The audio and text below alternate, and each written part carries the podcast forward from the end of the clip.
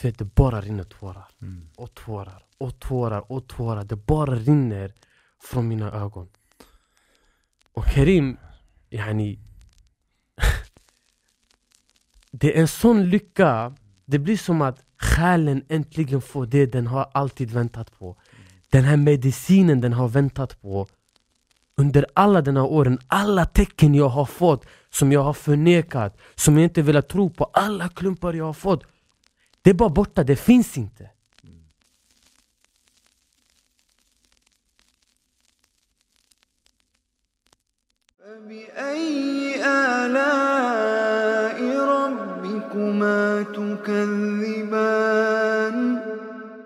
Assalamu alaikum wa rahmatullahi wa barakatuh. Välkomna till Islampodden.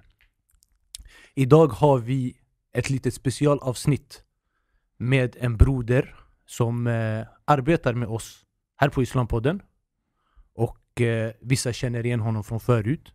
Han har varit aktiv eh, inom musikbranschen men lämnat den. Och det är vår kära broder Hasti. Välkommen! Tack så mycket. Tänkte jag säga, men du är här varje dag. Eller varje avsnitt ändå. här var det. Men inte Och- framför kameran. Inte framför kameran, exakt. Nej. Och eh, vår broder Sadik som vanligt är Som här. vanligt. Och vi vill eh, påminna er också att fortsätta dela, likea, subscriba. Så som ni har gjort. Vi uppskattar stödet jättemycket. Och vi tänkte göra det här avsnittet idag. Mm. Vi har snackat om det ganska länge. Faktiskt. Men idag det är dags. Alhamdulillah. Alhamdulillah. Du, var- du höll ju på ändå ganska länge Mm. inom musikbranschen. 11 år tror jag. Elva år. Eller 11 år har jag kört. Exakt. Och vi har, vi har känt varandra länge också. Precis. Eh, och subhanallah, du lämnade den nu, vad är det? Ett år sedan? Två år sedan? Eh, nej, ett Ja. och ett halvt nästan. Ja. Ja, ett, ett år och någonting. Ja. Be- berätta lite, vart är du idag bror? Vad, vad gör du? Eh, Alhamdulillah, det känns bra först för att vara här också. Och eh, det har hänt jättemycket under det här året, eller under förra året för mig. Det var ett avgörande år. Mm. Och ehm, för många så var 2020 ett år där det var ganska tufft för dem allting. Mm. Men Alhamdulillah, det var en av mina bästa år i mitt liv jag har haft. Faktiskt, Alhamdulillah. Jag gifte mig. Alhamdulillah. Ja, jag gifte mig. Du vet, jag har hört Eh, många säga det här, du vet va? Så ändå. Ja, vi- 2020 var mitt bästa år. jag, jag, jag kan bara säga så här, vi hade ju ett avsnitt där vi pratade om corona exakt. och sånt Mm. och att man, typ, att man inte ska säga 2020 var det värsta året. Men när jag satt där bakom och spelade in i mitt huvud så tänkte jag det här var en av mina bästa år i mitt liv. Alhamdulillah, så jag gifte mig. Eh, ja, men gick på umra, gjorde umra, men det där kan vi komma in på lite senare och sånt. Och det skedde en jättestor förändring i mitt liv Ja. 2020, generellt till någonting bättre. Var det 2020 ni gjorde Amra eller? Ja, Början var, precis. ja, exakt. början på In- Innan 2020. själva Ja, pandemin, exakt. precis. Ja, så inte folk det Och subhanallah, Ja. vi var också den sista gruppen Ja. från Sverige som gjorde umra, sen stängde de. Mm. Ja. Mashallah. Alhamdulillah. Och jag tänker så här, du la ju av med musiken precis innan det. Mm. Och det, många kanske lägger av med någonting när, när det går dåligt och så vidare. Man tänker, pass på det här, jag ska sluta. Men du var ändå, om man kan säga så, i ett bra skede Mm. av din karriär. Mm, mm. Så jag tänker att folk är ändå intresserade av att veta varför. Varför slutar du? Vad var det som fick dig att sluta? Eh, så här var det. Under tiden jag gjorde musik, Mm. det är en grej vi ändå bara förmedlar, det är att det är oftast att man bär på en fasad. Mm. Bakom bilderna, eller bakom när du stänger av din mobil, så finns det en sanning många inte heller pratar om. Mm. Och det är ditt välmående. Ja. Hur mår du egentligen? Och för min del, det är en grej jag inte har kunnat blunda för, det är att jag kan aldrig blunda för en sanning. Så har det alltid varit för mig. Mm. Men gällande musikgrejen, jag var tvungen att gräva det ganska djupt Mm. och få klart för mig att musik inte är tillåtet inom Mm. religion. Så min karriär, alltså det gick ju bra för den, men inombords så gick det inte bra. Mm. Så alltså, hur ska man säga, bilden jag sände ut var ju positivt, Exakt. att det går bra för mig och Ja. hela det. Och karriär, som sagt, karriären gick bra. Ja. Och jag brukar alltid skilja på att Hasti och Hasti B, jag brukar alltid säga det är Mm, två olika personer. Och jag har alltid gjort det på riktigt. Så, och jag kan nog se, alltså efter ett tag, jag vet, synderna de, tar, alltså, de kommer i kappen Mm. om man säger så. Men själva förändringen var att, subhanallah, efter, det var ungefär 2017, det här, det här var också helt sjukt som jag kom på, eller upptäckte för ja, men, slutet på 2020. jag brukade anteckna saker och ting jag känner på ett papper. Jag vill inte säga som en dagbok, Ja. men lite av som att jag vill bara få ut mina känslor. Du skriver av det. Skriver av mig. Ja. För grejen är, du vet, alltså, vi alla har bröder runt om varandra, men de områdena vi är ifrån, det här med psykisk ohälsa, det, det är inte någonting Tabu. det är lite tabu Ja. att prata om och det, Alhamdulillah jag har haft bra vänner som Ja. har stöttat mig Men i och med att de aldrig har heller pratat om psykisk ohälsa Så kan man heller inte få den där hundraprocentiga supporten än att han bara är med det och säger Ja. Inshallah bror det blir bra Ja. Du vet, fattar du? Ja. Så jag såg det här blocket jag hade och jag skrev, och jag skrev Inshallah Jag drar mig ut från det här och det här var 2017 jag skrev det. Subhanallah. Du kände det där starkt. 2017 Men har du inte bror, har du inte alltid ändå känt någonstans, även alltså, i början, att musik... Det, det, Alltså det, så här när jag, när jag drog in mig i musik Så fick jag höra jättemycket att hellre du gör det här än att du gör någonting annat Ja, exakt. Standard, det har många Mm. det. Hellre att du gör musik än att du är kriminell Ja, exakt. Men du kan heller inte säga så, för på riktigt, för att Ja. ibland Musik kan få dig att hamna I- fel exakt. och att du kan, det, det resulterar med att du kanske hamnar i kriminalitet exakt. Det är destruktivt. Hela Det är destruktivt, Ja. förstår du? Det behöver inte vara så i alla fall, men det finns fall också som är så, förstår du? Precis. Sen undrar jag lite, varför ska man sätta ribban så lågt? Om jag får hoppa in. Ja. Alltså måste man göra något som är haram? Oav, Ja. överhuvudtaget? Ja, Eller om du ändå ska göra något haram, gör det minsta haram. Mm. Exakt, Ja. det känns som att varför sätter vi så ribban så Ja. lågt för oss själva? Att Varför gör inte vi saker som är egentligen halal? Och, Mm, mm. du vet, man får ha lite ambitioner känner jag, eller jag vet Mm, inte vad ni tycker. Nej jag håller med, jag håller med. Men i det hela 2020 var det året då eh, ja, det är ganska bra för mig 2020. Jag, d- inte ut, alltså, min karriär, jag utnyttjade den på många olika sätt Mm. också. Mm. Så, så saker och ting som gynnade min karriär. Men så rent formellt, rent karriärsmässigt, det gick ju framåt. Ja. Men här inne, Blev sämre. ja, det blev bara sämre och sämre och sämre. Och i många år, jag har alltid så här, bärt på en klump i min mage. Mm. Och jag har aldrig kunnat definiera, vad är den här klumpen? Varför har jag den här klumpen? Det är väldigt små lyck, alltså lyckokick som får den här klumpen att försvinna. Kanske du står på scenen 20 minuter, men efter, den är tillbaka. Mm. Förstår du? Lyckan försvinner, din klump är tillbaka. Eh, min bror kunde ofta prata med mig och säga så här, du umgås inte med föräldrarna. Och, och jag vet, det i orten vi har också ett, alltså ett tankesätt som nu jag har reflekterat mycket över. Det är att vi ska ta våra föräldrar ut härifrån. Ja. Bro, mina föräldrar ville bo kvar i Rinkeby. Ja. Så vem är det jag lurar också Ja, i det exakt, hela? exakt. Förstår du? Jag tror att det är ett, så- kanske en form av rättfärdigande. Ja exakt, man- man- man- jag umgås inte Ja. med, men jag kämpar för dem du Ja. vet. Och det, Mm. du rättfärdigar Ja, det du gör. Men egentligen, Många som, som är kriminella har det här äh, argumentet också. Ja. Ja. men, jag måste, men hon vill inte ha dina pengar. Exakt. mm. Alltså, om hon visste vart de det, kommer ja ifrån. exakt. Ja. Så det var mycket av de här tankarna du vet, som började ändå, man börjar bli äldre, Mm. du vet. Så den här klumpen som jag hade, den började ta mer och mer plats, mer och mer och mer plats i min kropp. Till slut, det resulterar med att Alltså de som har ha- alltså, hamnat i en depression eller haft ångest kommer förstå det jättemycket, allt känns bara blankt för dig. Mm. Mm. Du vet inte vad du känner. Jag mådde inte alls något bra.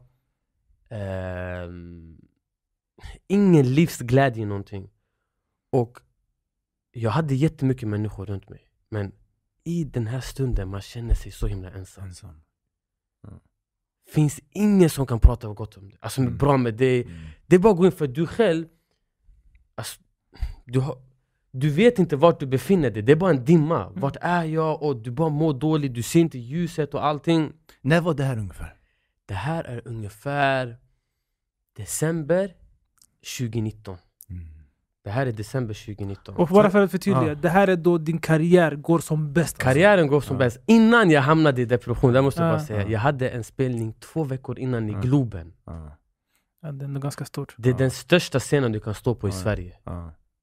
Och så det sjuka är subhanallah, när jag stod där på Globen och jag bara kollar ut och det är typ alla Mm. 8000 Mm. personer bara kollar ut eller Jag minns inte exakta siffran men det är jättemycket folk Jag bara kollar ut och jag tänker så här.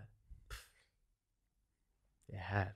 Mm. här, här uppe nu i min karriär Ja. du vet Och Du vet, och det, inte bara för att det, det här var Globen ändå andra gången för mig Mm. Mm. det var inte Globen första gången, andra gången. Så när jag gjorde Globen andra gången, jag tänker pff, jag är här uppe i min karriär. Förstår du? Men subhanallah, två veckor efter, jag föll. Men under 2019, du ändå måste ha börjat tänka mycket på islam. För jag kommer ihåg vi träffades Ja, i Kämpinge ja. där också. Vad heter det? Mashallah, Ja. jag blev fett glad. Vi träffades under Ramadan. Eller hur? Du kom hela tiden. Det är ändå, någonting måste ändå börja dra dig. Alltså grejen är... Ramadan har alltid haft en jättestor påverkan på mig. Typ... När Ramadan kom, vi brukade, jag kan säga så, de artisterna jag jobbade med i alla fall, jag behöver inte nämna vilka det var. Vi brukade alltid lägga upp så här. nu är månaden Ramadan här, vi loggar ut. Ja. Och det är ju av en anledning vi Ja, loggar ju ut. Mm. Förstår du? För det vi gör, uppenbart, det är inte rätt. Mm. Ni känner det? Ändå. Vi känner att det inte är rätt. Ja. Så, du vet. Så vi var ganska hårda med att under Ramadan vi släpper ingen musik, vi Mm. tar inte emot spelningar, ibland det kunde komma in stora spelningar. Mm. Det var ändå sommartid. Det var sommartid, Ja, exakt, exakt. Nu är Ramadan ändå ganska sent, exakt. men den tiden det var ändå sommar, vi hade Mitt precis, vi hade precis alltså, fått hits också. Mm. När du får en Festival, hit, festivaler exakt, när du får en hit, du, du ska ut på festivaler, Mm. ut på Mm. spelningar, Ramadan kom, nej vi kan inte gå ut på Alhamdulillah. Förstår du? Men Så, det där jag vill ändå kommentera lite här, varför? För att det där är ändå positivt Mm. ur en synvinkel. Det är att man ska inte se ner på en, alltså, Mm. det lilla, det lilla, även om en person gör lite. Ja. Man ska inte så här få den personen att känna sig som en hycklare eller Mm, dålig. Ey, för det här kan hända oftast, att äh, ni är ändå jag kan tänka mig Ja, att varför någon leker ni smarta nu på Ah, Ramadan? Ni ska inte exakt. göra och, musik. det, och det hände, och det råkade vara att det kom sådana det Ah. också, förstår du? Att det, Ah. typ, tänk dig det, typ, jag, det, subhanallah Islampodden generellt Jag är en av de som jobbar med Islampodden Mm. Men det har fått mig att förstå jättemycket om saker och ting Du vet, ibland är det lätt att en person som vi kanske pratade om i Ramadan avsnittet Som vi pratade om att en person, han gör helt mycket kaos Men han gör en god grej och man försöker få bort det där också från Ah, honom Det är hans sista hans sista livlina liv, exakt. Förstår du? Ja. Och i många därför, alltså Bror, folk såg inte bakom stängda dörrar hur vi levde Mm. Det var knas, det var, har, alltså, det var mycket som var haram bakom stängda Mm. dörrar Förstår du? Så en positiv grej, man ska försöka ta bort den en också. positiv grej, du kan få ett DM från ett fejkkonto Ey vad är det ni leker religiösa nu helt plötsligt? 11 månader, ni sprider Ja, kaos yani folk vill att om man gör haram, du ska, allt du ska göra ska Allt ska vara haram. Haram. Du ska inte Och- ha och- något halal Och något det, det haram. där lilla, alltså det där svartvita tänket jag försöker få bort. Nej, gör det, det bästa du kan. Och livet är inte svartvitt. Alla vi hamnar i synder. Livet, vi lever i en grå värld om man kan säga så. Exakt. Ja, Det är inte... gråzon. Ja, en gråzon. Men du kan inte, det- ingen människa gör bara halal. Mm. Det där kan man glömma. Och Mm. ingen människa gör bara haram. Vårt mål i livet är att få folk att få, dra ut dem från haram in i halal. Vi ska hjälpa varandra mot den Mm. raka vägen. Inte sitta och peka och putta på varandra. Exakt. Och jag vill ändå eh, bara komma in lite här med en grej till Sadek, för att nu vi pratar om haram och musik och sådär. Många kanske tänker nu, vadå, vad är problemet med att du var artist? Du vet, Mm, alltså vi mm, kan måste ändå toucha på det lite Exakt, innan vi exakt. går vidare. Vad, alltså vad islams syn på musik är generellt. Tänkte Sadek om du kan gå in på det lite. Så jag kan säga så här. Jag personligen, de flesta jag pratar med, vet om att musik är haram någonstans. De kanske inte har bevisen, de kanske inte har läst verserna, de kanske inte har läst haditerna, de har inte kanske full koll på det här islamiska biten. Men någonstans de vet att det här är oförenligt med islam. Och bara att Hasti nämner att de pausade under Ramadan ger också en fingervisning. Förstår jag menar? Man, man, man vet. Men för att bara nämna det för de som kanske inte har hört det förut. Det finns verser och haditer som förbjuder musik. Och sång. För många säger man, kan man sjunga eller kan man inte sjunga? Det finns verser och haditer som förbjuder musik och sång. Mm. Vad gäller musik, eh, eller förlåt, vad gäller sång, Allah säger وَمِنَ النَّاسِ مَنْ يَشْتَرِي لَهْوَ الْحَدِيث Att det finns vissa människor som köper tomt prat på arabiska. Ha- Det här, d- d- tomt prat, Ibn Mas'ud radiallahu anhu, han sa Huwa wallahi al-ghina, huwa wallahi al-ghina, huwa wallahi al-ghina. Han svär vid Allah tre gånger, han säger wallahi det är sång. Är sång, wallahi det är sång. Alltså tomt prat. Ibn Mas'ud är en av följeslagarna. Ibn Mas'ud min bror, han är inte bara en av följeslagarna, han är en av de kunnigaste följeslagarna, följeslagarna när det kommer till tolka Koranen. Mm. Han sa själv, om jag hade vetat någon man kan resa till Mm. som är kunnigare mig inom tafsir så hade jag rest till den personen. Ejo. Och han sa att det finns inte en vers i Koranen förutom att jag förstår dess betydelse. Så det här är ändå Ibn Mas'ud. Mm. Folk trodde, alltså bara för att förklara ytterligare vem Ibn Mas'ud är, folk trodde han var en del av profeten sallallahu alaihi wasallams Sallam. hushåll bara på grund av att han var hos honom så mycket. Profeten sallam han sa att man ska recitera, om man vill läsa recitera, eh, om man vill recitera Koranen så, så som den uppenbarats, så ska man recitera den i enlighet med det Ibn Mas'ud läser. Så det är inte så här. Det är inte vilken följeslagare som helst. Som bara ändå- har sagt en... Precis. Och vad sa han när, det kommer till tafsir, bara för som en intressant grej? Han säger Ibn Abbas radiallahu anhu är den som är kunnigare med tafsir. Mm. Ibn Abbas är profeten sallallahu alaihi wasallams kusin. Och profeten sallallahu alaihi wasallam gjorde dua för Ibn Abbas att han ska förstå Koranen. Allahumma faqih fi din och allimhu ta'wil. Och Allah ge honom förståelse i religionen och lär han Koranens betydelse. Så låt han förstå den. Vad säger Ibn Abbas om versen? Samma sak, det är sång. Ja, säg också det. Ah, så båda säger det sång. Och det är inte bara de två, vissa av andra följeslagarna. Så det här är ändå följeslagarnas tolkning. Och jag tror vi har varit inne på det innan i Koranavsnittet att följeslagarnas tolkning av Koranen har ett företräde. För de var där när den uppenbarades. Du hör ju vilka dygder Ibn Mas'ud radiallahu anhu har och hur han beskrev Ibn, Mas- Ibn Abbas radiallahu anhu som ändå är profeten kusin. Mm. Så det är en grej. En annan grej är att profeten har nämnt en hadith ليكونن أقوام من أمتي يستحلون الحر والحرير والخمر والمعازف att det kommer komma ett sam, eh, folk från mitt samfund som kommer att tillåta, typ, ha, ha det som tillåtet eh, otukt, zina och eh, silke och alkohol och musikinstrument Mm. så nu har båda delarna, vi har sång och vi har musikinstrumenten båda är haram alltså. Ja. Ehm, den här hadithen finns i Bukhari. Ja, det, det, det, det, det, det den Hänvisa till hadithavsnitt. Exakt. Så här vi hör att profeten wasallam förbjuder musikinstrument. För han säger ju att de kommer tillåta det. Vad förstår vi? Att det är förbjudet. Mm. Och vissa lärda säger till och med, vet du vad de säger? De säger att eh, profeten wasallam, de har tolkat det på två olika sätt, att de kommer tillåta det. Det vill säga att de kommer säga att det är tillåtet, det är halal. Och vissa, vi, vi har hört att vissa säger så. Om just musikinstrument specifikt. Mm. Att man har hört att folk säger det är halal. Det är inte halal, alaihi wasallam har förbjudit. Det finns i hadith i Sahih Bukhari. Eh, och vissa andra lärda säger vad? Det betyder att folk kommer använda det väldigt mycket så att det nästan blir som att de har halaliserat. Mm. För det blir ju så, man ser ju, det är ett argument som folk har, alla Ja. gör det. Exakt. Mm. Då, då tänker folk att ah, då måste det vara tillåtet. Och profeten wasallam har redan varnat oss för det. Mm. Att folk kommer göra det. Exakt. Och en annan grej bara, för att ta upp lite av skadorna av musik, vad det leder till. Kolla, eh, profeten wasallam väljer att nämna musikinstrument här med vad? Vissa saker. Med zina, otukt, med alkohol. Vad är det som musik, musiker idag sitter och sjunger eller rappar om? Mm. Vad är det de kallar till? Vad är det som händer i deras videos som de gör? Det är de här sakerna. Så det är ändå kopplat, och att profeten ändå har sagt det redan då, det, är ändå, det visar oss att det är ändå, så här, det är ändå fett, fett fint och fett vackert att, att, att han har redan påpekat det här sambandet. Mm. Och det är egentligen det folk gör. De, de, I de här låtarna de uppmanar till vissa saker som går emot islam. Exakt. Mm. Dricka alkohol, uh, nu för tiden de uppmanar till att ta droger, uppmanar till zina, förskönar de här sakerna. Och det är också en sån grej, att de förskönar sådana sakerna.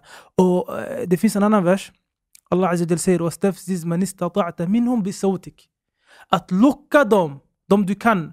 Allah säger till shaitan, Mm. när Allah tilltalar shaitan, han säger till honom Locka dem du kan locka med din röst. De lärda har tolkat hans röst här som sång. Mm. Och det är det folk gör, de lockar dig med musik. Mm. Sen en, annan- en, en annan sak Folk som måste de veta hur mycket, det, förlåt bara jag det, hur mycket musik påverkar. Yani folk, folk lyssnar inte så här äh, idag, på så här, "Ah, jag lyssnade 10 minuter på musik idag. Ja, folk Nej. har uh, hörlurar 8, 9, 10 Ah. timmar om dagen. Så ska man inte bli påverkad av vet, det? här? alltså, jag kan ju bara prata för min del Mm. och inte för någon annan. Men eh, när jag vaknade, det finns en term, eller så här, inom musik man säger att du hör bäst en låt på morgonen för att Mm. du har fräscha öron. Mm. Förstår du? Så tänk dig att du inleder hela din dag med en låt. Allah alam vad den här låten handlar om. Mm. Ibland det kan vara att du inte har några problem alls i ditt liv. Du mår, ja, det är okej, du mår Ja. bra. Du lyssnar på en deppig låt, hela din dag förstörs. Hela din dag. Du börjar bygga problem mot dig själv som Ja. inte ens finns. Ja. Förstår du? Ibland bror, yani, wallah, yani, jag kunde lyssna, alltså, det här generellt, det är bara så. Ibland du kan höra en låt, du är hemma som handlar om fest, du går och klubbar på kvällen. Och det är det här musik styr. Mm. Jag kommer komma in lite på hur vi ändå jobbade förut. Kör det nu, kör det, man, man, jobbar ju ändå psykologiskt Ja. inom musik, förstår du? Ja. Typ att, okej, här vi tar bort trummorna, vi låter folket andas lite. Här, sen här bygger, bygger vi upp låten och sen pff, det ska explodera, här hypet börjar igen. Det handlar om att påverka folk. Påverka Ja. folk, och det är ju det det handlar om. Förstår du? På våra konserter, Mm. det här går ju in. Mm. Man ser ju exakt, typ när trummorna försvinner, folk blir så här lugna. Exakt. Och sen det byggs på, byggs på, byggs på, byggs på, byggs på och pff, folk Mm. hoppar och det Ja. ena och det andra. Och jag tänker så här, det här det här var ändå vi, alltså, eller jag i Sverige. Tänk dig dem, och, och vi, alltså jag, var, jag hade ändå ett namn i- inom svenska scenen. Tänk dig de som är internationellt stora. Mm. De har säkert andra knep till och med. Ja. Mm. De har säkert mycket mer pengar att lägga på det Ja. också. Med resurser. Eller, Ja. Förstår du? Så musik påverkar en. Det finns till och med, det var någon, jag minns inte vem, ja, och jag vill inte säga namnet fel, men det var någon amerikansk youtuber som är icke-muslim också, Mm. som gjort, hade gjort typ ett klipp där han sa att jag lyssnar inte på musik, för att musiken styr mina känslor Mm. för dagen. Och kolla, om en boxare ska gå in i ringen, han måste ha musik. När du Ah. tränar, du måste ha musik. Ah. Vad du än gör, du måste ha musik. För att folk Det fungerar. pumpar ju upp Du vet att vissa som tränar för så här långa lopp och sånt, de säger att det är fusk att springa med musik på. Du vet va? Det. För att det är hype. Det, det är inte så du kommer vara under loppet, så du kommer tappa massa energi. Så de tränar utan musik. Ja. Du, du vet det här också, jag tänkte på lite när vi var inne på musik och islam. Kan man ha, du vet, kan man vara aktiv till exempel med Koranen och läsa och studera samtidigt som man är aktiv med och lyssnar hela tiden? Kan de här enas i hjärtat på, på ett bra sätt? Det är det man... Jag kan säga så här, man kan tro att man gör det, Ja. men någon av dem får överhanden. Eventuellt. Det, kan Mm. inte, det, det behöver inte vara att det händer över en natt. Ja. Men till slut man börjar, man kommer själv börja märka att man lutar mer åt det andra än det ena. Ja. Och oftast tyvärr, det blir att musiken tar Mm. överhanden. Man lyssnar på musik här, man lyssnar på musik här. Sen är det också normaliserat. Precis. Alltså, går du in i typ en butik, i någon galleria, Ja. det är inte Överallt. att de har någon alltså, Koran på, Nej. utan de har ju musik. Exakt. Fattar du? Subhan- Ibland du kan lyssna på youtube, du lyssnar på Koran, sen kommer det en reklam med musik. Med musik, Under ah. eh, avsnitt, alltså, helt Fan, det, var, sjukt. det, var, det var en broder som sa, han bara, när man snackade om youtube och reklam, han bara ibland det kan komma en reklam som är värsta haramen och Mm. koranversen handlar om just den synden som det, som det är reklam för, förstår du? Typ. Ja.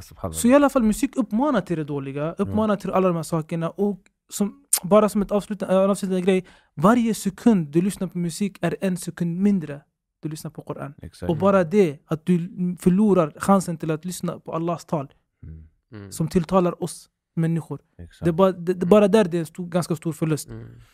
Men eh, det finns ju ett uttalande. Jag vågar inte säga vem det var som sa det, men det var väl någon från Sahaba som sa att musik är shaitans Koran.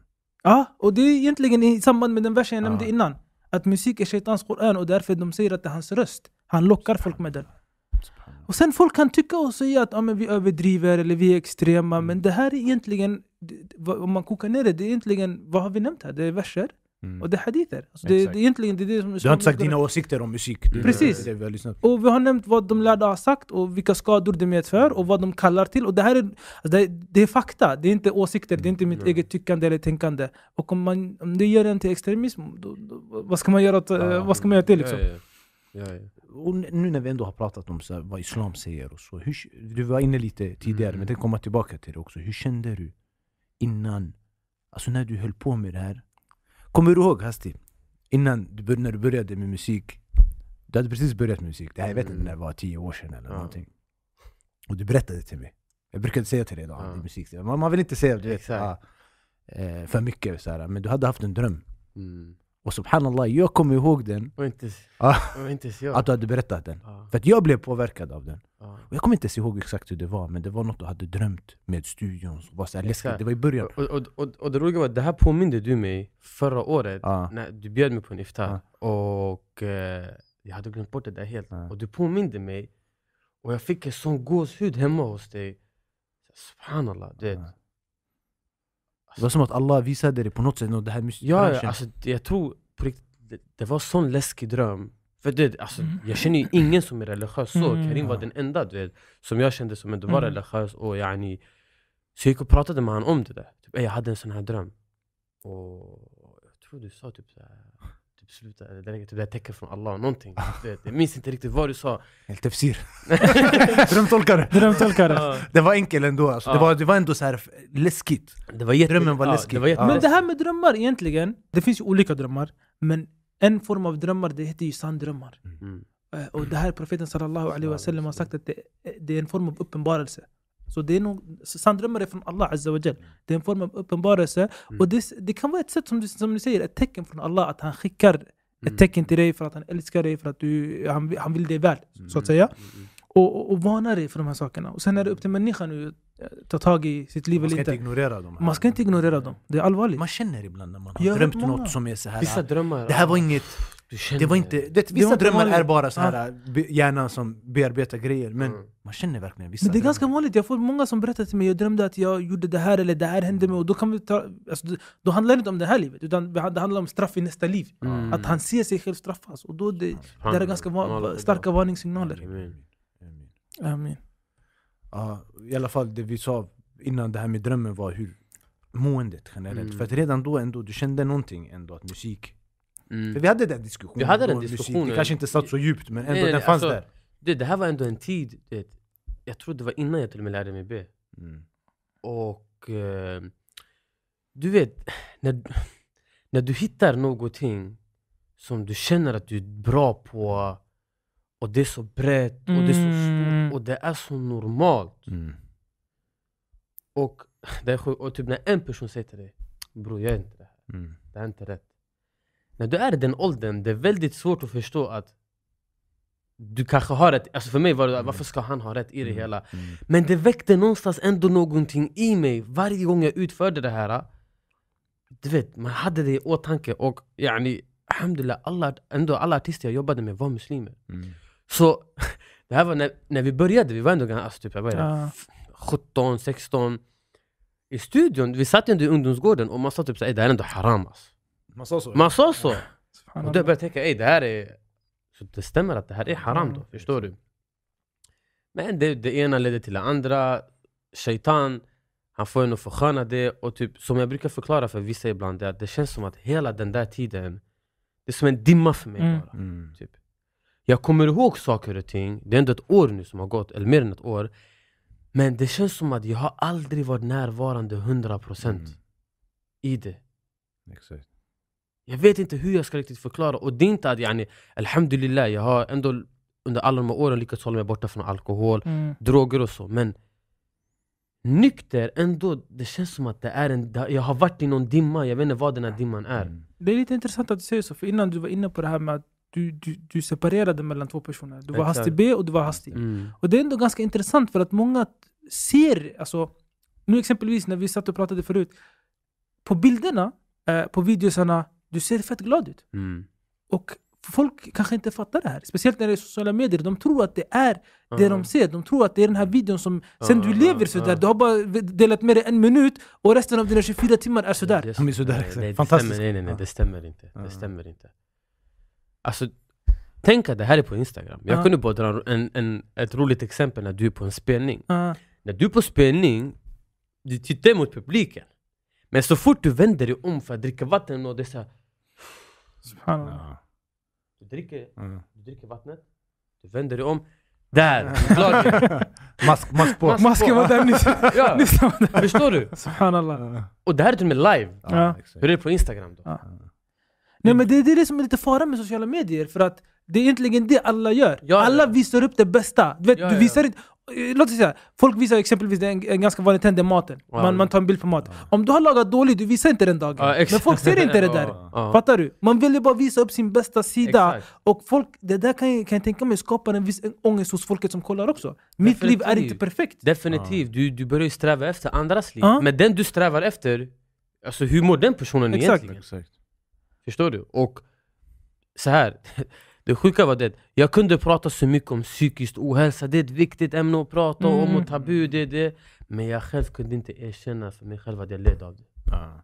Var det under lång tid du kände att du led av det? Eller var det Tre, på fyra år. Det var I tre, fyra år, en ständig klump i min mage. Så, Ja.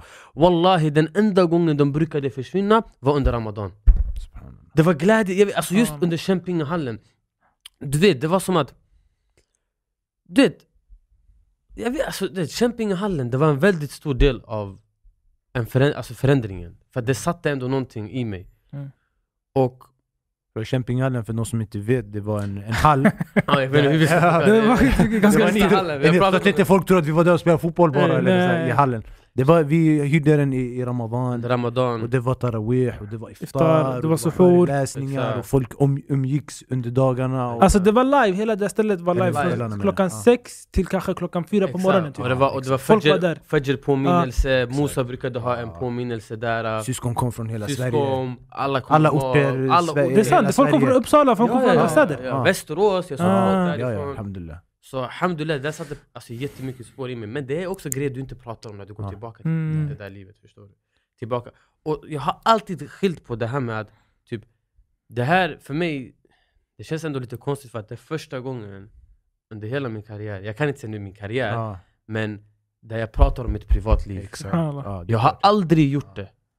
Jag har ständigt pratat om, oj, jag har ständigt pratat om karriären, det, det, det ena, det andra. Och till och med när jag hade intervjuer, jag brukade alltså, kräva frågorna innan för att se typ, vad är det för frågor som kommer. Så, nu du har inte fått frågan. Nej. det är disclaimer i alla fall. nej, men, nej men Det här är första gången, så att för mig det känns också jättekonstigt att Mm. prata om något som Ja. har varit jätteprivat Men är det inte lite sjukt att du var tvungen att lägga locket på hela karriären för att kunna vara dig själv? 100% Det är ändå så här, man tänker efter. Alltså, du vet, du, Walla, det, alltså, det är uppriktigt sagt, du vet, om jag typ nu går i branschen och börjar säga så här, ah, men det här är haram, det här är inte rätt och det här är Mm. inte det. Det här förstör din image. Ja. Förstår du? Det kommer till en punkt där så blev det för mig i alla fall, och allt jag ser i den här intervjun, jag kan bara utgå från mig själv Mm, att ens värderingar de försvinner på grund av att de kan skada din karriär, Mm. din image, din branding, ditt namn. Det blir det viktigaste. Det blir det Mm. viktigaste, det är nummer ett. Vad förknippas jag med? Hur förknippas jag? Mm. Förstår du? Folk under min karriär fick en bild av mig som en väldigt så här, tillbakadragen, jätteseriös. Jag är en jätteseriös Mm. människa och det ena och det andra när det gäller jobb och sånt. Men jag har en väldigt känslig sida av mig Mm. också. Men det här vill du inte sända ut. Nej. Nej, Du måste vara den hårda, tuffa Du personen. måste vara hård, strikt, Ja. det är det, det är det. Också inom musik, det vi säger också det är att det finns inget rätt och fel. Mm. Förstår du? Alltså typ nu, Islam har gjort det enkelt. Musik, det är fel. Mm. Förstår du? Men i branschen, folk kan prata om rätt och fel. Men du kan inte prata om rätt och fel, för allt är ändå fel. Det, det blir farligt också när alla ska komma med sina egna rätt och fel. Förstår du? Det som är rätt och fel för han Ja, är rätt och- och fel för den. Och du vet, det här, det här kände jag jättemycket också typ Det här kommer jag berätta i senare skedet när Mm. jag höll på att lämna musik Ja. och vad folk kunde säga till mig och sånt Mm. och typ så här, men ditt beslut är inte Ja, rätt och det ena och det andra Men det kan vi komma Ja. in på lite senare Ja. Men under hela den här perioden, någonstans, du har vetat att musik, det är inte är rätt. Du har ändå hållit på med musik. Det här måste ju också ha påverkat måendet. Mm. Eller hur? Mm. Att ändå veta att det man gör... Mm. Jag kan själv relatera till grejer man Mm. Du vet när man vet att någonting är Mm. fel innerst inne, Mm. men man ska täcka över det. Och man vill ändå göra det. Hur på, alltså, det är självklart det måste påverka en. Och sen kanske till slut, Allahu alam, Då blir det det, jobbigt. det blir starkare och starkare. Mm. Men det var det jag sa, som jag sa innan, typ, synderna kommer ikapp en. Mm. Förstår du? Exakt. Synderna kommer ikapp en men eh, Men det leder in oss på också det här hur du lämnar Ja, och alltså för mig blev det ju att saker, jag kunde inte mer blunda för saker och ting. Mm. Eller nej, jag hade blundat så länge jag kunde blunda. Ja. Ja. slut. Men sen min kropp kunde inte blunda Ja, för det, själen kunde Ah. inte blunda för det. Förstår du? Så tänk dig bror att, du vet, det känns... Jag har så länge, och folk som känner mig, jag har länge pratat om den här klumpen. Jag brukar kunna säga till folk, ni har ingen klump i magen eller? Ja, vad, är det, vad, är det, vad är det vi ska ha klump om? Förstår du? Ingen som sa såhär, jag har också Ah. klump. Nej, ingen! Du vet, Ah. Allah alam, folk kanske hade, men vill inte heller säga det, förstår du? folk har, Allahu alam. Men. Så, du vet, och den blev bara större och större och större och större och större. Det började leda till en jättemörk period i mitt liv. Och nu, det här är vid oktober, november, nej december skulle jag nog säga. December. Mm. Det är där det började hända. 19. Ja, 2019. December 2019. Och jag hamnar bara mer och mer i ett mörker och mörker och mörker och mörker. Och det här var typ en av de första gångerna på jättelänge jag tänker, vad, jag ska börja lyssna på Koran, jag ska må bra. Mm. Men när jag hör Koran, det blir som att jag blir stressad. Mm. Får panik. Ey vad händer? Varför kan inte... Ey Koran! Varför kan inte jag lyssna på Koran? Vad är det som händer med Mm. mig? Min aptit, jag kan inte äta något. Alla relationer jag hade, stängde. Alltså jag ville bara vara för mig själv. Mm. För att jag kunde inte vara bland folk. Mm. Jag gick på Jum'a, jag gick ut med panikattack. Det var för mycket Ah, folk. Ey vad är det som händer med mig? Jumma fredagsbönen. Ja, fredagsbönen, Ja. exakt. Mm. För de som inte förstår. Vad är det som händer? Jag, jag har panik. Jag har panik. Jag tänker, vet du vad? Jag ska till studion. Jag ska försöka göra en låt, komma ifrån de här tankarna. Mm. Wallahi, jag gick till studion. Jag satt så här på en stol. Alltså jag skakade. Jag skakade för att jag vet... Det, som du, att inte heller veta vad vissa saker beror på. Jag är i det här förnekelsestadiet Mm, fortfarande. mm. Vad är det som händer? Varför har det hänt mig? Och du vet, som man, vi snack, ni snackade om i något avsnitt när en sjuk, när han ser på den friske, han känner så här typ, Ja, en Karim önskan. en önskan Han har bara en önskan. att bli så frisk. Förstår du? Och jag kunde se, ey, folk mår bra, Mm. folk skrattar och allting. Du vet, allt det blev bara för mycket. Det blev som en inre explosion. Mm. Så jag, jag, var, jag tillbringade jättemycket tid i mitt rum då, när jag bodde hos mina föräldrar. Mm. Och när jag var där, det var då jag kände att det finns ingen jag kan prata med. Mm. Ingen jag kan prata med. Mina föräldrar var jätteledsna. Mm. Så att jag mår dåligt Ja. och försöker ändå prata, försöker ändå st- alltså stötta mig. Men i det här fallet, det kommer inte, det är ingenting som kommer in. Mm. Det enda, alltså det sista, st- alltså det, var, det enda hjälpmedel, eller det hjälpande hand jag kunde se det var att vända mig tillbaka till Allah. Det var det enda utvägen. Jag var, vet du vad?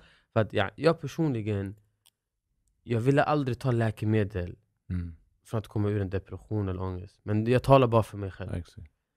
För att jag tänkte på en grej att vi har ett facit som är egentligen en bok som är läkemedlen till alla dina problem. Mm. Det var då jag började tänka på det. Men hur ofta öppnar man den där boken? Mm. Mm. Men du visste det här innan, men Det här- det, det det, här- det blev... Jo, det har jag Ah. alltid vetat innan. Men då det du? blev tydligt. Bro, till och med ibland när jag har haft sessions i studion Ja. med artister Bro walla, ibland vi pausar vi snackar om Ramadan och Allah under Ja. min- vår session. Ja. Förstår du? Så det här är inte att yani, jag hittar, alltså, jag har alltid haft Allah, men hur var min relation till Allah? Exakt. Det är inte att jag blir muslim på nytt. Jag har alltid varit muslim. Jum'a jag har gått, Ja. jag bad, men vi brukade missa många böner. Och jag förstod heller inte den där termen med att vad än du gör, be oavsett. Mm. Det enda jag kunde förstå var att om jag dör, det här var innan jag lämnade musik, jag har inte gjort min salat. Mm. Jag har gjort haram, jag har gjort synder, Mm. men jag kan säga till alla jag bad. Mm. Det var det enda jag kunde, och det var det som typ skrämde upp mig att be ändå. Men jag förstod inte vikten av att när du ber dina fem dagliga böner, att sakta men säkert bönerna kommer göra en förändring i ditt liv. Mm. Jag förstod aldrig den där grejen förrän jag själv började praktisera det om man Mm. säger så. Så jag började be, ta tag i det, men också där, du vet, man tror du vet, att nu jag ber, jag lyssnar på Koran, jag mår inte bra fortfarande. Mm. Vad är det här? Mm. Så du, människan tror att det ska gå så här snabbt. Men hur många år har inte gjort kaos? Exakt. Hur många år har inte gjort haram och Exakt, gjort fel. Ja, över en natt? precis. Du, alltså, det är som en rehabsprocess. Du, du, Mm. alltså för mig det var som att jag fick börja om från noll igen. Mm. i Jättemycket. Men min psykiska ohälsa ledde till en punkt där Wallahi, det var ett sånt mörker det var i mitt liv. Jag visste inte om jag älskade min mamma i den där stunden. Jag hade inte kärlek för någon, för ingen. Hur? Jag kände typ såhär ap- apatisk. Typ, Sten såhär, bror, ja. sten! Ja. Alltså, det kunde hända värsta grejen framför mig. Gå bara. Ja. För att det här jag har reflekterat efter, efterhand i det här, det är att om man ändå inte kan älska sig själv och tycka om sig själv och ta hand om sig själv. Hur kan man tycka om något annat? När du har ett självhat. För jag var i det stadiet där jag hade ett självhat för mig själv just nu. Varför händer det här mig? Varför mår jag dåligt och allting? Mm. Men jag hade ändå sakta men säkert börjat alltså, bygga upp igen min relation med Allah. Mm. Men jag minns, det här var nyårsnatten. Jag med min familj. Jag pratade med min bror på telefon. Då han var på Umrah.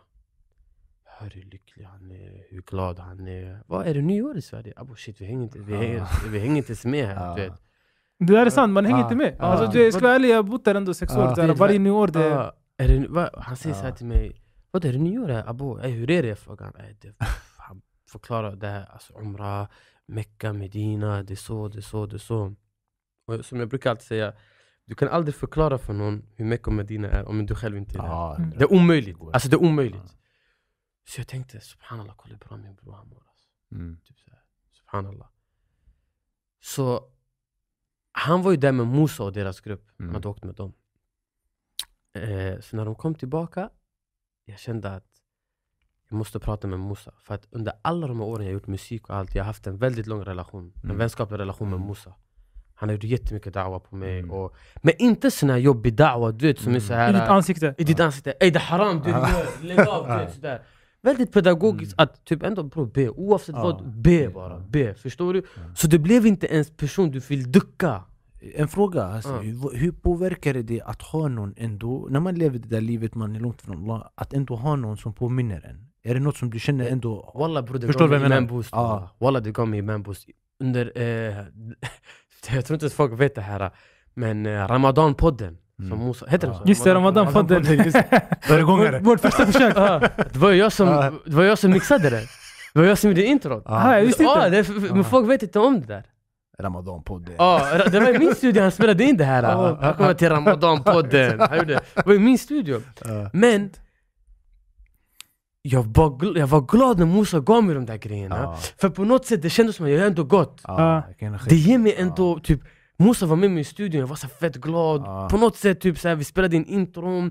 Typ, jag tror typ det, hur engagerad jag var i mixa. Ja. Han skickade ey bror den här ljudfilen, kan du bara fixa en snabb? Vi har spelat in det avsnittet. Ja. Jag ligger i min säng Ja. och mixar den och fastar den. Ja, Fattar du? Så det var ändå på ett sätt, nice.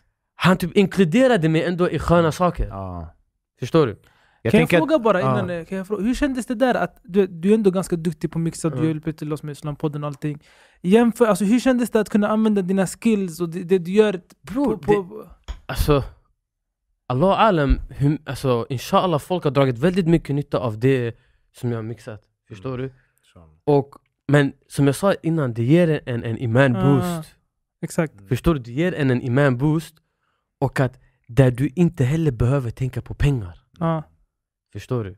För att den viktigaste valutan, det är, våra, alltså, det, det är goda gärningarna vi gör. Det är ändå värsta omväxlingen för att yani, du kanske tänker att när när jag gör musik, det blev synd. Men nu Exakt. det blir en, jag exakt. gör det här och det är samma grej du gör Exakt. egentligen, du mixar och håller på exakt. med Och det är egentligen det jag Och inte gjorde. bara det, du får inte pengar för det. Det var det jag ville, det, det, det jag ville göra.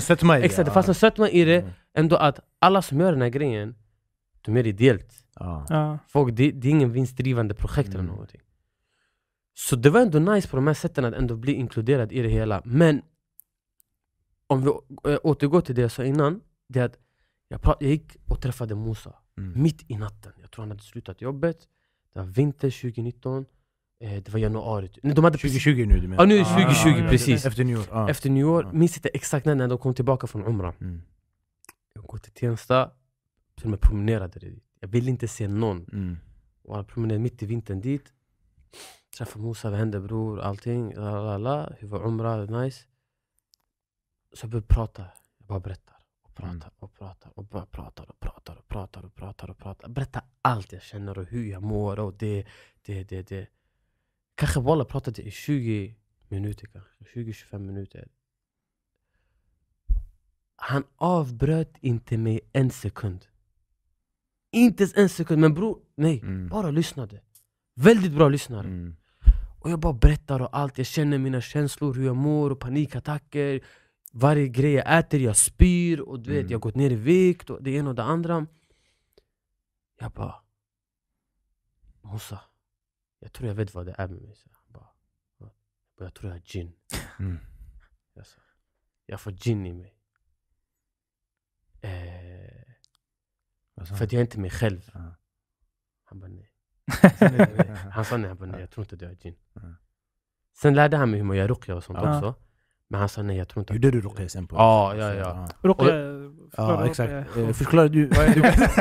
Ruqya är att man läser Koran och vissa adkar, dhikr, ni vet, påminnelser som, som gör så att man, hur ska man säga, som mot, botemedel mot Det blir som ett. Botemedel. mot Koranen kan vara ett botemedel mot, mot sjukdomar och Men jag vill bara säga en grej och det var Ja. intressant att många gånger man väljer, jag vet inte om du känner samma sak, men man väljer att skylla ifrån sig. Mm.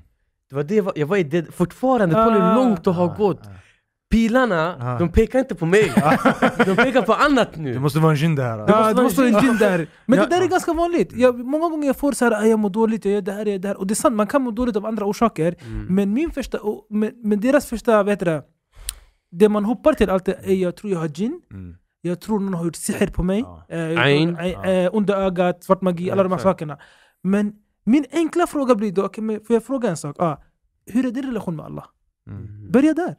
Mm. Kan det vara det som är problemet? För det, man, man vill aldrig börja med sig själv och vart jag ligger i livet och vad jag har gjort. Exakt, Utan exakt. det är någon som attackerar mig, det är någon som håller på med mig, det är Exakt. någon som gör det här med mig. Mm. Jag vill bara säga så här också att jag menar inte att psykisk ohälsa är bara för att man har dålig iman och man har Nej. dålig relation med Allah. Men jag tänker börja kolla, hur är den? Sen om den är bra då kan du hitta andra faktorer. Men det, det är en bra start, och- det är en bra ställe att börja på. Inte att bara för att du har psykisk ohälsa betyder att du har dålig iman. Och oavsett vad, man kan alltid korrigera sin iman Man kan och alltid relation med. Allah. Det är aldrig Ja. så här. är Nej, det kan inte vara den för den är bra redan. Så det vara Nej, den går alltid att- förbättra. ja, Alltså, den går alltid förbättra. det, det jag måste också tillägga, men det kommer jag komma fram till det, det är att jag tog ju också alltså, psykologisk hjälp i det. Mm. Så jag kombinerade ju din med en psykolog också. Ja, Fett bra, Ja. jättebra. Jag ville få det maximala ut i det hela. Och det var jättemycket saker i mig själv Mm. som inte jag hade bearbetat. Mm. Mm. Men eh, samtalet jag hade med Musa, Ja, den där kvällen. den där kvällen när jag Ja. sa att jag bara, nej men, ja, jag tror jag har gin. Mm. Och han sa nej, jag tror inte att du har gin. Och så, och han sa att eh, börja göra ruqya mot dig själv, och som du förklarade innan lite vad det är. Jag lärde mig hur man gör ruqya. Eh, Athkar jag fick dem, Mm. eh, morgon och kvälls. Ja. Men han sa också till mig, följ med på Umrah. Just det, Umran. Och jag tänker, bror, mina problem är så här höga. Mm. Vad ska Umrah hjälpa mig? Du tänkte så? Ja, Det är uppriktigt, jag tänkte så. Vad ska Umrah hjälpa mig? Mm. För att jag är inte någonstans i mitt huvud, jag är noll praktiserande i det Mm. här. Mm. Jag har panik, Ja. vad är det som händer med mig? Ja. Jag mår inte bra. Någon säger följ med på en resa. Kommer inte bort. Kom vi reser bort. Och du vet, man har ju hört den här termen, Ja, "Ey, jag mår inte bra, jag ska åka på en resa. Exakt. man har hört den där, Ja. förstår du? Men jag vet inte, jag, den där har inte funkat för mig, jag åker bort. När jag kommer hem jag har samma problem i Sverige igen. Ja. Förstår du? Mina problem försvinner inte. Ja. Så jag bara, ah, okej okej vi får se typ hur det blir. Men sen jag började tänka på, okej ska jag åka på Umrah, prata med lite folk runt mig, åk bror, det är bra möjlighet och allting. Åk. Men det är lätt att få den här tanken, är jag redo för att åka på Umrah? Mm. Vad händer om jag kommer tillbaka från Umrah? Jag måste vara en helt annan person. Exakt. Shaitan ger det värsta Ah, massa, massa förväntningar du lägger på dig själv. Ännu mer förväntningar. Ah, och jag kan ah. inte ta emot någonting just nu Ah. för att jag mår inte bra. Exakt. Så jag började tänka så här. Nej jag kanske inte är redo för Umrah. Subhanallah, jag ber inte ens mina fem Ja, böner. exakt. Ska ni åka på Umrah? Det är ju helt fel. Men det vi ser, det här är en teknik Shaitan använder. För att få dig att fastna i det keffa Mm, Hela tiden. Ja. hela tiden. Om du gör det här, då du måste göra det här. exakt. Om du Man gör det här, då du måste vara man perfekt. lägger Ja. Hur många har inte man sett just i orten där de kanske åker på en Umrah och kommer hem, Mm. är en helt annan person. Exakt. Exakt. På, på vad är det? På Två veckor, På två veckor, Mm. en vecka. Så nu är jag i det här stadiet och tänker att okej, jag vill åka på Umrah. Men eh, subhanallah, min inkomst, Mm. allt är haram. Mm. Just det. Bra punkt. Ja. Jag vill inte gå och göra Umrah med harampengar. Ja. Och eh, min storebror hjälpte mig med den delen. Alhamdulillah, min bror han ändå han hade, hade ändå ett halal jobb och sånt. Så Mm. han bara, vet du vad? Här, ta pengar, åk på Mm. Umrah. Och för mig blev det ändå lite sådär, hur ska man säga? Det är min storebror 100% men man skäms ändå lite för att man Mm. tänker hur mycket har jag umgåtts med min familj? Och så stöttande de är under hela den här Sjukt. grejen. Mm. Ja. Förstår du? Mm. Det var ingen annan som gav mig pengar. Nej.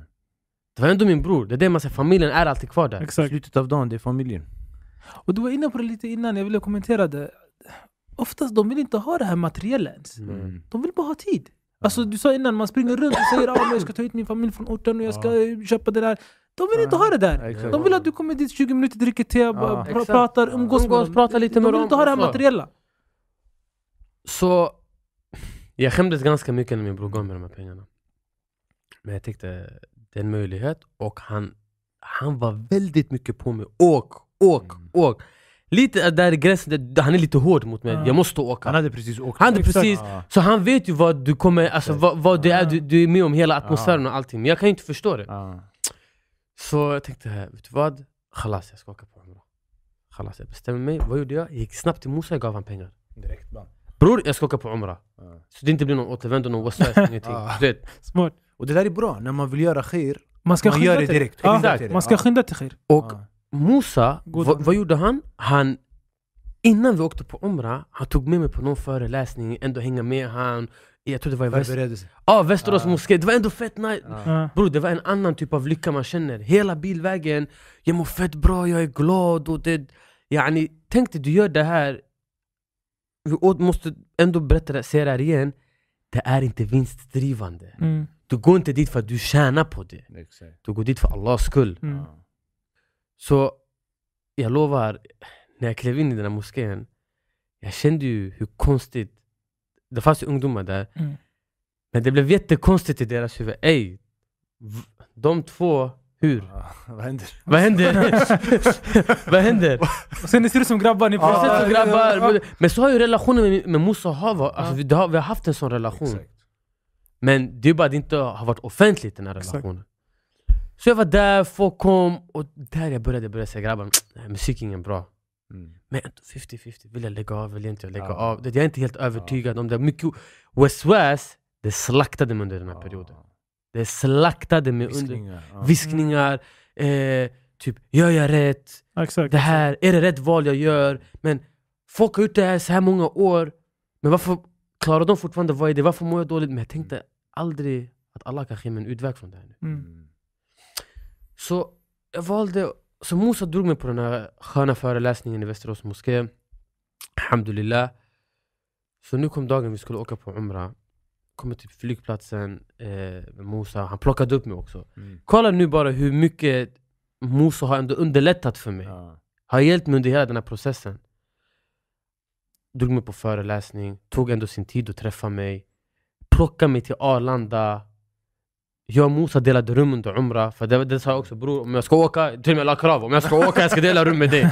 Förstår du? Han löste det där. Kravlistan lämnades in. Krav- Jag ska loka.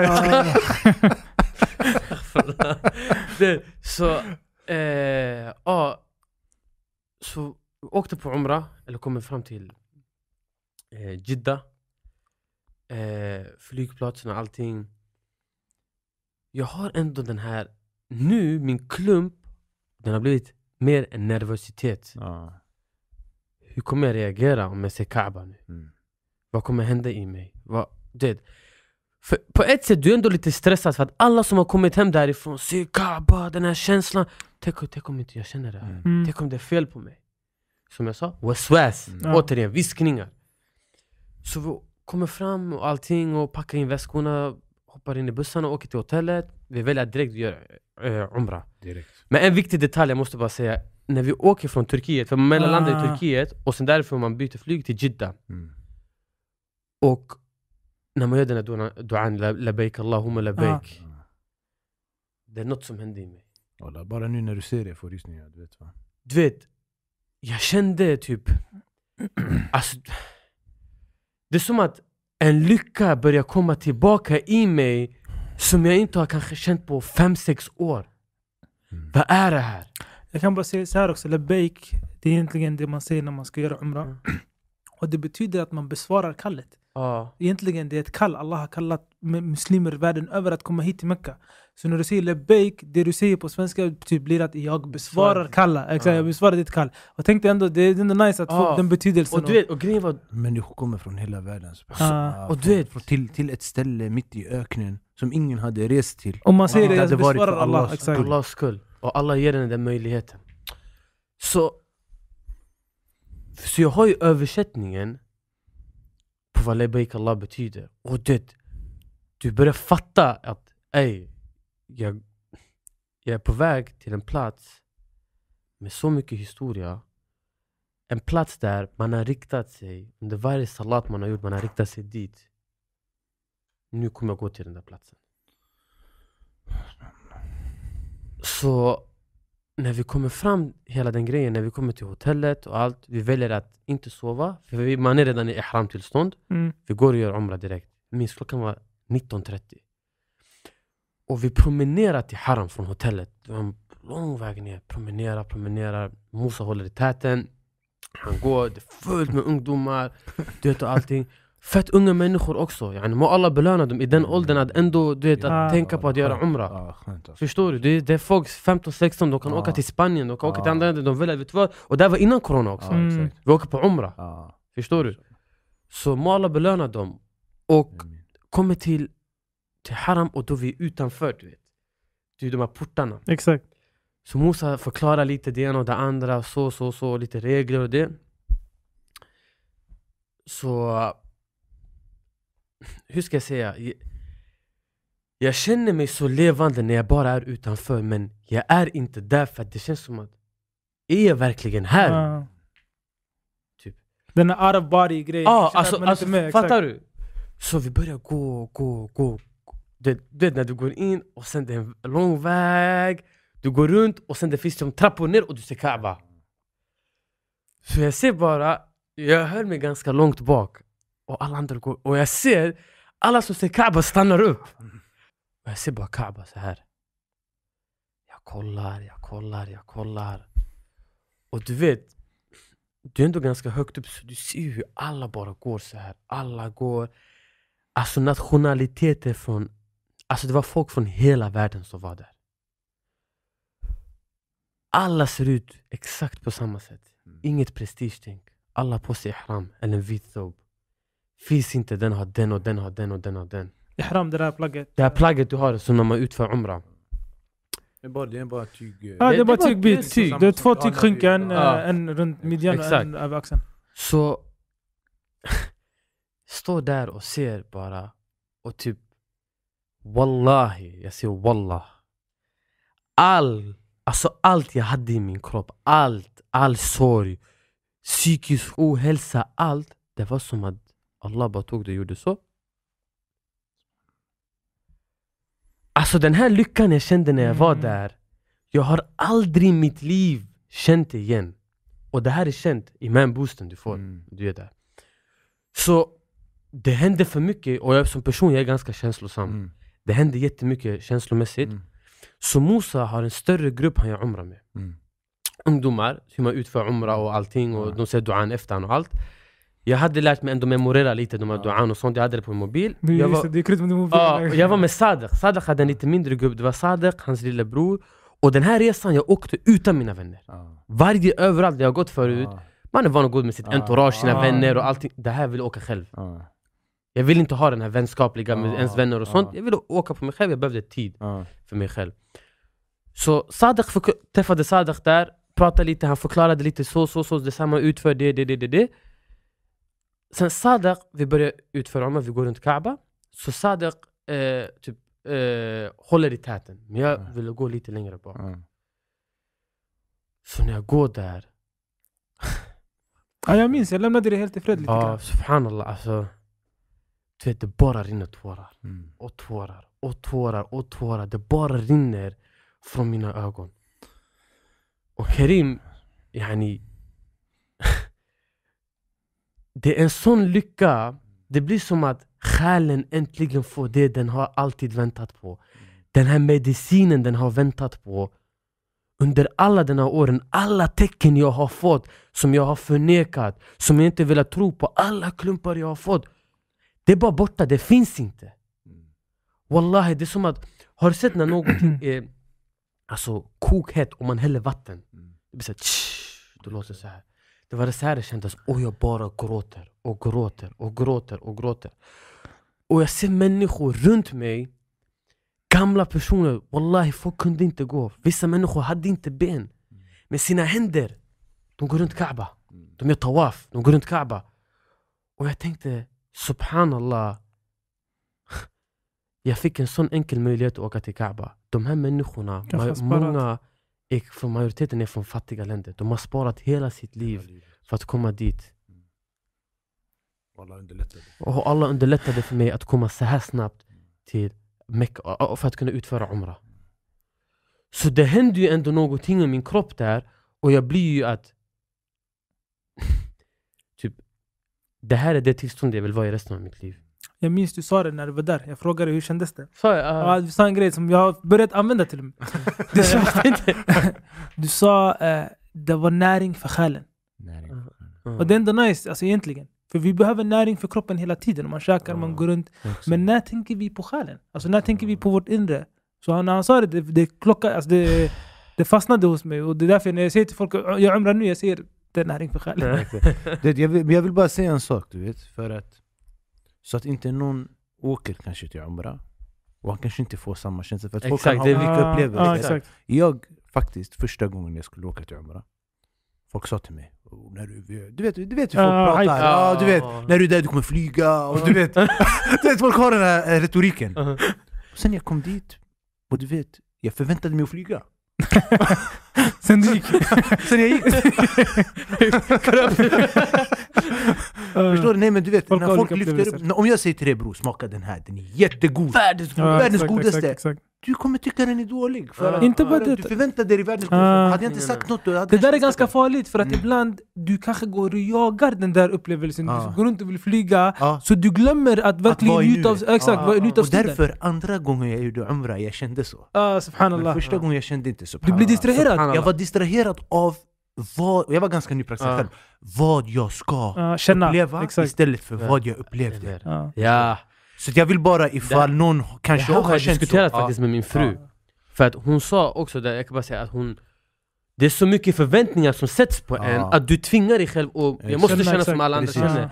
Men i mitt fall, jag har ju något annat som har plats. Du kom in clean alltså, Jag kom in clean. exakt. Du vet, sa, min bror sa han säger till mig oh, det är så, det är så, det är så. Musa sa bara inte så mycket, han sa bara Ja. gör en umra. Och bara. Åk bara. Och jag har inte heller så mycket människor jag kan prata med som har gjort Ah. umra Mm. runt mig. Exakt Det är sant, ibland man ska bara säga Exakt. jag gör umra. Och- Sen ja. lägg inte mer. Säg ingenting, säg, Gör säg gör umrah. bara en umrah, inshallah det kommer vara Och bra också, ibland, det, jag måste också benämna ibland, det är att typ Lider du av psykisk ohälsa, ibland, det är så också att Typ umra, det, det var min avgörande Det är det som avgjorde för mig Men i vissa fall, en person kan behöva medicinsk hjälp Ja, exakt Förstår? Jag vet att det finns Mm. föräldrar ibland, en, det kan vara att någon lider av någon sjukdom eller någonting och så här, ja men ta personen på umra ja. Nej det är inte en quick fix. Nej, Ja, det är inte en quick Vi fix. sitter Och inte och säger att, att att är hjälper alla. Exakt, så jag vill bara ändå benämna att Ja. typ Jag kombinerade ändå ett tag med det här med alltså, psykolog Ja. Jag gick ändå hos en Ja, psykolog det är viktigt, viktigt att nämna Ja, bara ett klargörande. Mm. Så,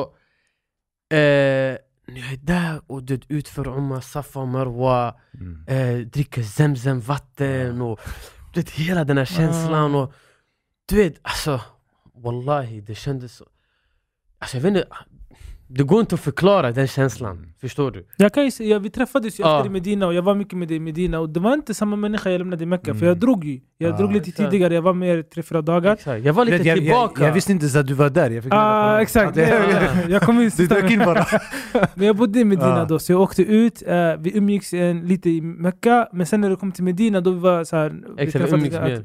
Och jag kände ändå att det är inte samma, vad heter det, kille jag lämnade i Ja, Mecka. Så det var, en, det, det var en påtaglig förändring att man kunde säga.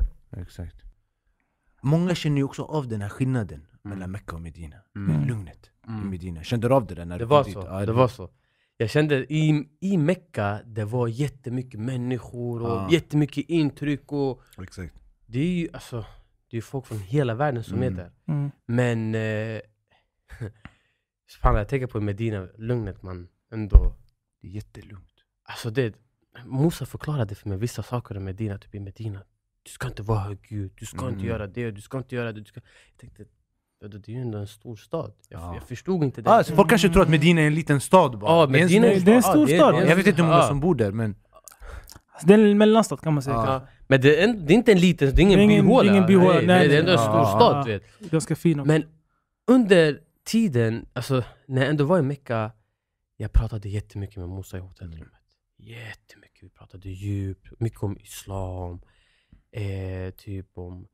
Du vet, sakta, sakta han började inkludera mig. Bror, ska vi inte göra det här kanske? Och det här och det här och det här. Lite idéer och så. Och jag var alltså... Som jag sa innan, när jag kom till Mecka i början, jag var mycket så här tillbaka lite. och Mm. Det var mycket jag var tvungen att processa och hela det här. Mycket intryck, jag grät jättemycket. jag- Det, umra, man har utfört umra, det är ändå en grej du vet. Så när vi skulle till Medina, jag kände nu det är relax. Ja, det- är så man känner. Ja, Mm. relax. Förstår du? Och jag kan ge det här rådet också. Alla som åker på Umra, åk till Medina efter. Efter Mecka, åk till. Medina. För att också att gå till profeten sallallahu alaihi wasallam. Du, du, du, du, du går till profeten wasallam grav. Du, du, du hälsar på han. ja, Abu. Bakr, Ja. radiallahu anhu, Umar. Det är det värsta grejen.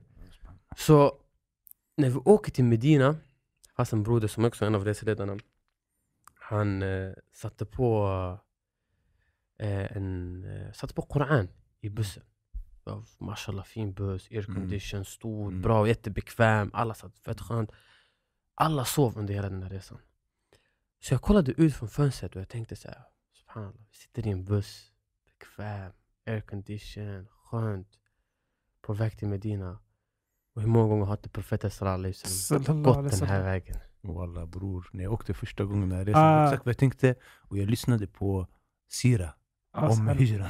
Ah. Subhanallah. Mecka till Du ville leva in i det. Ja, jag ville leva in mig 100%. Ah. Två, tre lektioner jag lyssnade. Det är ändå lång bussresa. Exakt, exakt. Exakt, exakt. Nej men det var också det enda jag kunde tänka på. Efter ett tag, det blir ändå ganska vanlig resa. Exakt, Rutin fram tillbaka. exakt. Men första gången jag tänkte, det var det enda jag kunde Och du vet, och subhanallah, där också jag grät. Fett mycket. För du vet, man tänker hur mycket har profeten sallallahu alaihi uppoffrat? wasallam. Mm. Det är det. Hur mycket har han uppoffrat Ah. för oss? Förstår du? Det, det, det, Och egentligen, allt profeten sallallahu alaihi har gjort, yani, alla uppoffringar, allt. Vad är vår tacksamhet? Mm. Och jag börjar tänka på de här grejerna fett mycket. nej, men det där är ganska bra att tänka på ibland då och då. att Subhanallah, jag tänker ändå förut islam att du var tvungen att dölja islam. Ja, Du kunde inte, du var ju, vi var, var, var tillsammans igår kväll, en kille blev muslim via telefon. ja, tog shahada. Bara sådär, via telefon. Mm. Och jag, efteråt vi satt och pratade om det och vi tänkte subhanallah, tänk dig, alltså, i en annan tid, i en annan värld, det, här var, det hade varit värsta processen. Ja. Nu han var i, Ring, i vart var han? Rinkeby, jag var i, Mm. i Kista, gjorde det via telefon, vi träffade och och man, måste vara man måste tänka på de här sakerna och vara tacksam för det också. Att kunna be i fred, att kunna fasta i fred, att kunna leva sin religion. Att åka till Mecka bara sådär över... Bara eh, så. Du mår dåligt, khalas, du åker till Mecka. Ja. Allah ger dig det. hur svårt än folk tycker det är att praktisera ibland islam i Sverige. Och det kan vara ibland Mm. svårigheter. Ja, som, ja, Men man måste sätta saker i kontext. Exakt, i ibland, till- perspektiv. i perspektiv till vad folk har gått igenom. Vad de människor som är mycket bättre än oss har gått igenom. Subhanallah, när han sa det här med att profeten sallam uppoffrade, han lämnade sin hemstad som han älskade. ja. Och därför han sa Laula anna qawmuka akhrajuki ma kharajtu minki. Han säger, han, han säger det, det är bland de sista sakerna han säger när han lämnar Mecka, att om inte ditt folk, det vill säga Mecka, om inte ditt folk hade tvingat ut dig, ut mig, förlåt, om inte ditt folk hade tvingat ut mig från den här staden hade jag aldrig lämnat. Hmm. Han älskade mig. Ja. Ah, älskade Mecka. Ja. Men gjorde han inte också en dua, profet sallallahu att göra Medina Exakt. mer älskvärt till de troende?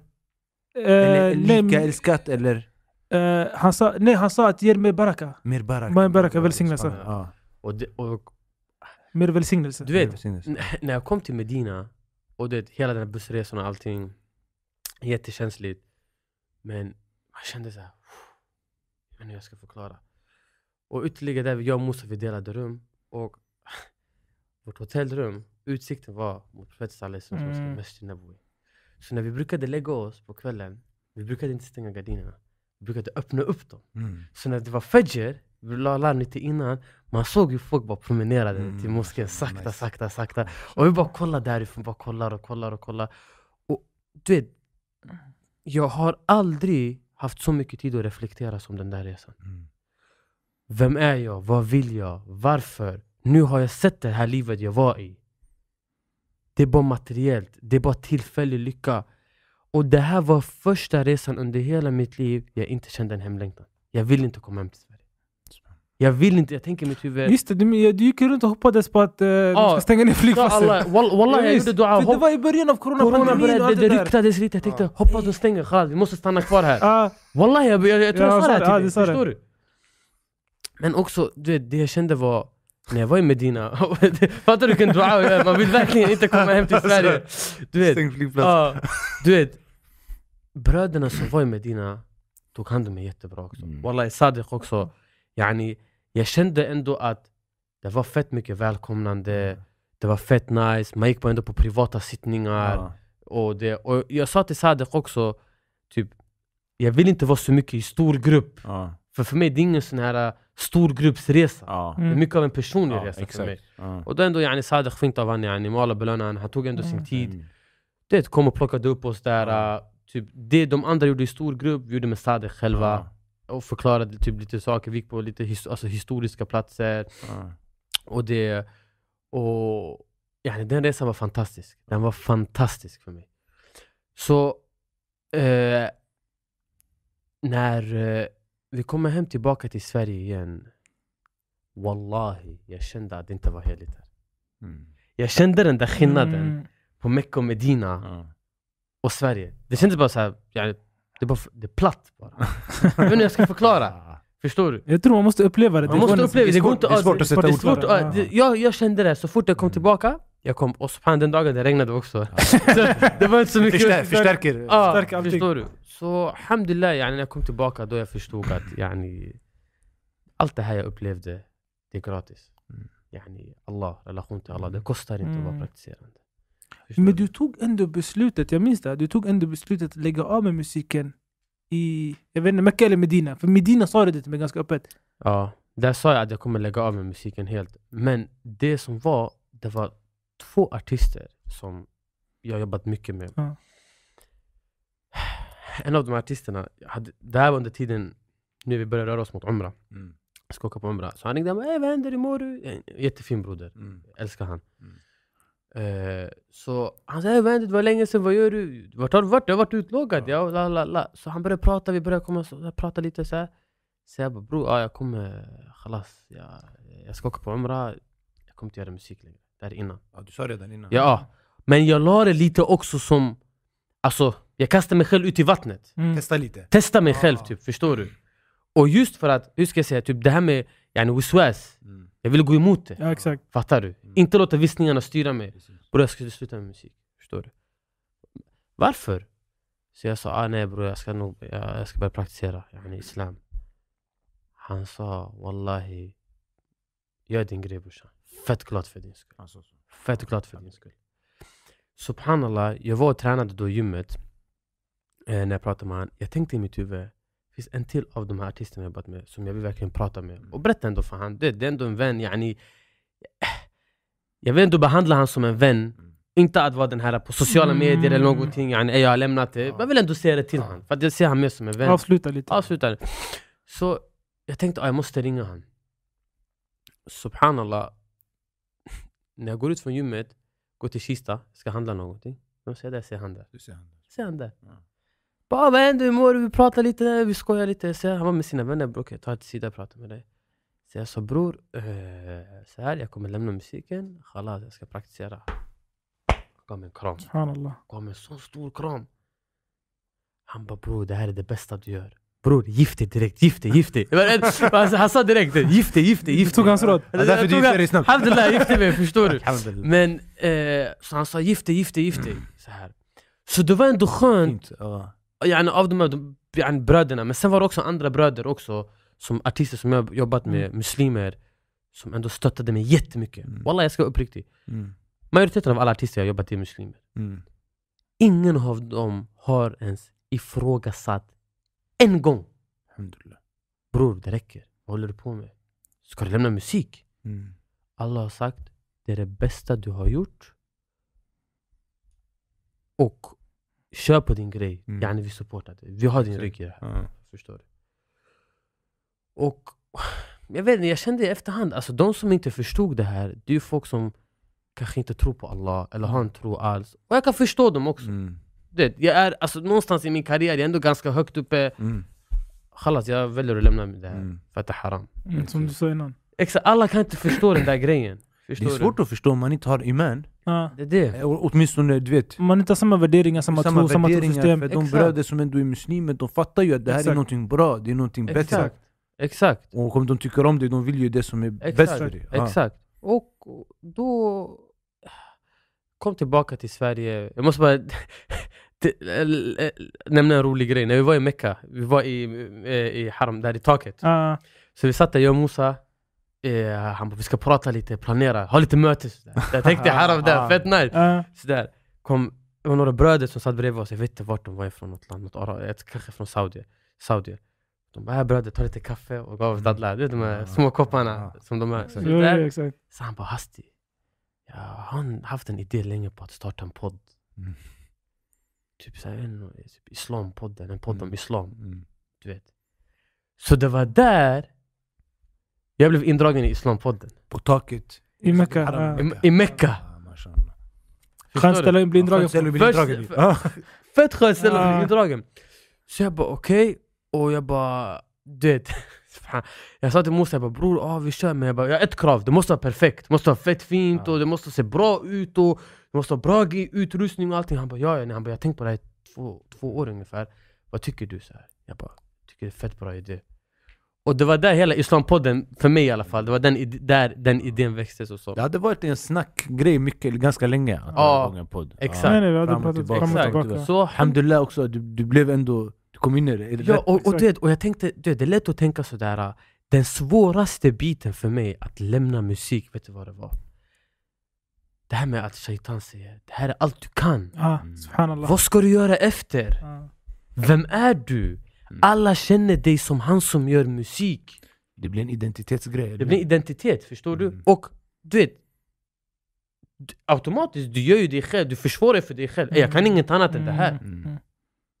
Och det, det är lätt att börja tänka, typ yani jag sa mycket till min fru, du vet, så här, det här var innan vi gifte oss och så Men, eh, och efter till och med när jag gifte oss det, Jag tänkte så här, okej nu har jag ändå lämnat musik Vad ska jag göra? Mm. Men kolla Allah han ersatte.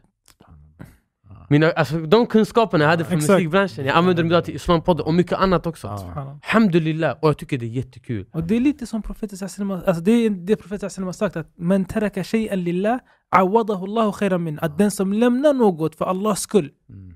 Alltså den som gör någonting som är haram och lämnar det för Allahs skull, jag vet, Allah, Allah är inte nöjd med det, jag ska lämna det här. Ah. Allah kommer ersätta den personen med något som är bättre. Och Det wallahi, är beprövat alltså. Ah. Vi har sett det, och wallahi jag Ja. kan säga så här bröder Idag, yani Må Allah acceptera allt du gör. Amin.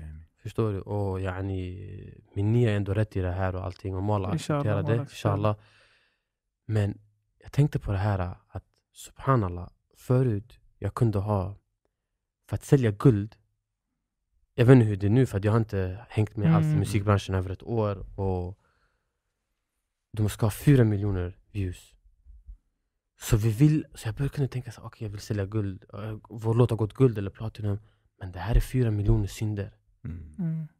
Det är det man inte tänker på Och det var det här Musa sa till mig länge sedan Mm. Sen, men han sa det på ett roligt sätt, han bara "Ja, bror, jag är artist, jag är, det, det var lite indirekt mot mig, ni Ah. lägger upp en, två kanin, tre kaniner Ja. Han bara det här är tre miljoner synder Ah. Så för mig, att nu ändå vara en del av Islampodden Alhamdulillah, och att det inte är jag som frontar i det Mm. hela Jag kan göra, jobba bakom det Mm.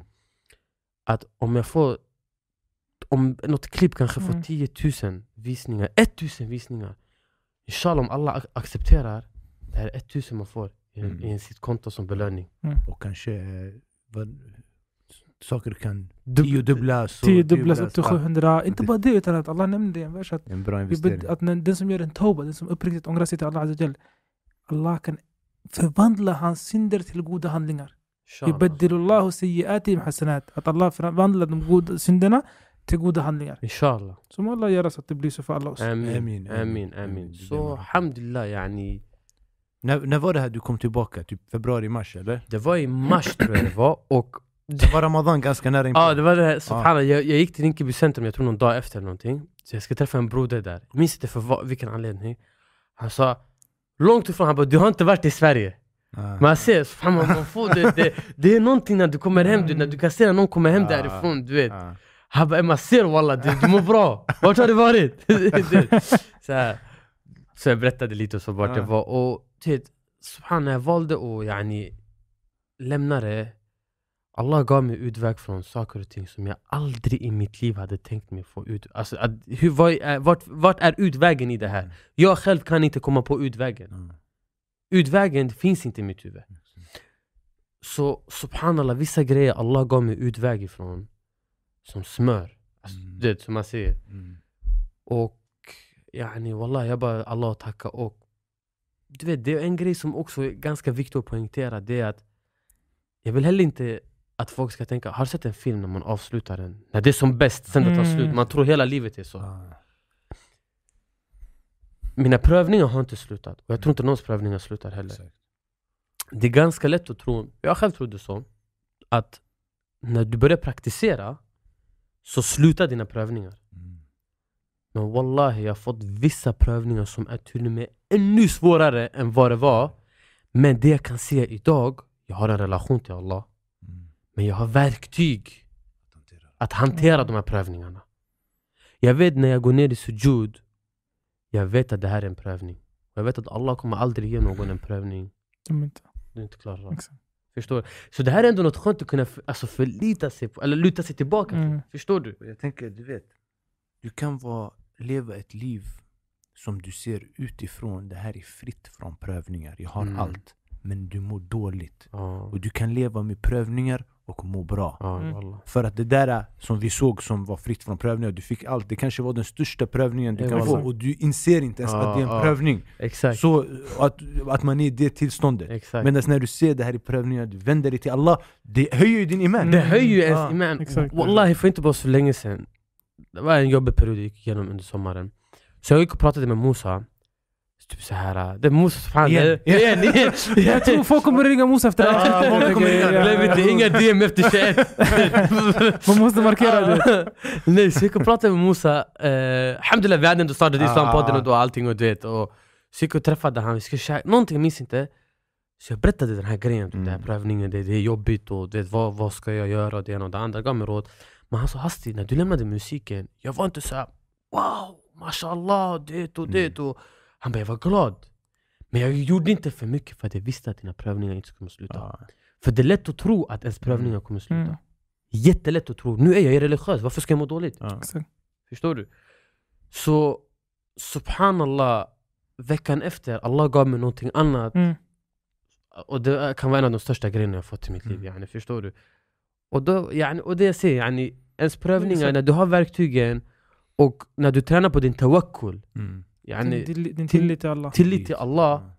Och där också, det är inte något som kommer så, det är mycket du måste träna för att det kommer till en punkt, du kan inte göra något mer i dina händer. Exakt. Att man tror gott. Och därför- Jag tänker på den här hadithen, med Allah säger att jag är så som min tjänare.